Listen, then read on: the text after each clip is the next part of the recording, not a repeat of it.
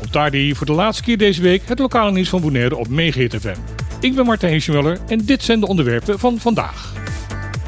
De onwil om het probleem rondom het sociaal minimum op de best op te lossen blijkt in Den Haag heel diep te zitten.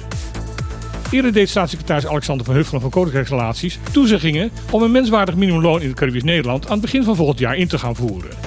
Nu lijkt de winstvrouw de laatste weken allerlei omtrekkende bewegingen te maken. In een debat vandaag met de vaste Kamercommissie voor de Tweede Kamer drongen de fracties van VVD, D66, CDA en GroenLinks erop aan om vooruitlopend op de resultaten van de commissie tot D nu alvast de nodige stappen te nemen. Het antwoord van de staatssecretaris was heel duidelijk. Het kabinet is niet van plan om dergelijke stappen te nemen en er is voor de invoering van het sociaal minimum nog geen budget gereserveerd. Niet voor het eerst verdedigde de bewindsvrouw zich door te vermelden dat onder haar leiding al heel veel gedaan is om de situatie in de best te verbeteren.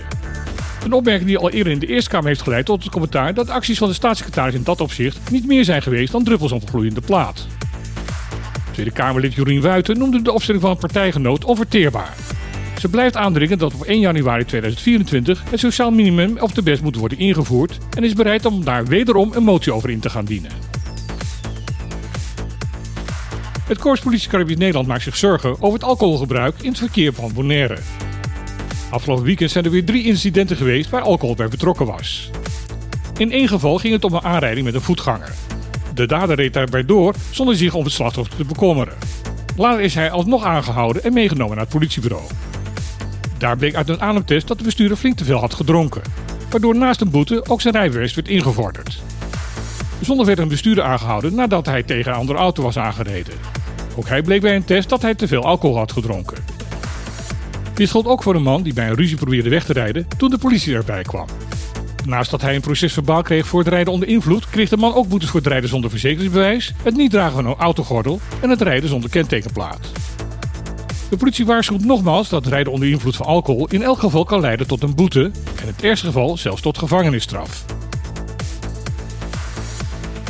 Vorig jaar werd dus Dinapen gemeld dat sommige duikplekken op Bonaire besmet zouden zijn met Stony Coral Tissue Loss Disease, oftewel Skittle D. Gelukkig was dat toen niet het geval en bleek het om een andere, minder gevaarlijke ziekte te gaan.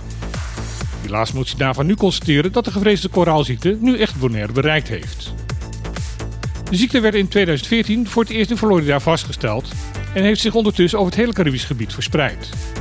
Bonaire was een van de laatste plaatsen die tot nu toe vrij geweest is van deze zeer destructieve ziekte. Waarschijnlijk veroorzaakt door een bacterie verbleekt het koraal en wordt uiteindelijk ook de steenachtige structuur van het koraal aangetast. In gebieden waar de ziekte is geconstateerd, gebeurt het regelmatig dat tot 80% van het koraal daar uiteindelijk afsterft. Stinapa roept daarom alle duikers op om zich zeer streng aan de nieuwe skitteldierrichtlijnen te houden en voor de komende tijd de aangetaste duiklocaties zoveel mogelijk te mijden. Het bekende schip Arctic Sunrise van de milieuactieorganisatie Greenpeace komt volgende week naar Bonaire. Op 20 april zal het schip gaan aanmeren aan de Noordpier. De Arctic Sunrise zal daar een week blijven. De Arctic is een voormalige ijsbreker en maakt al sinds 2095 deel uit van de vloot van Greenpeace. Ze is in drie decennia de hele wereld over gevaren om mee te doen aan acties en onderzoeken. Omdat het schip zeer geschikt is om onder extreem koude omstandigheden te opereren, werd er bijvoorbeeld vanaf het schip wetenschappelijk onderzoek gedaan van Antarctica naar de opwarming van de aarde. Er zullen er meer activiteiten zijn die in tegenstaan van de rechtszaak die Greenpeace met de bewoners van het eiland gaat aanspannen tegen de Nederlandse staat.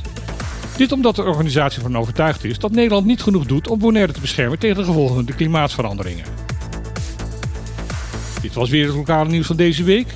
Morgen is weer op deze zender van 12 tot 2 op de klippen.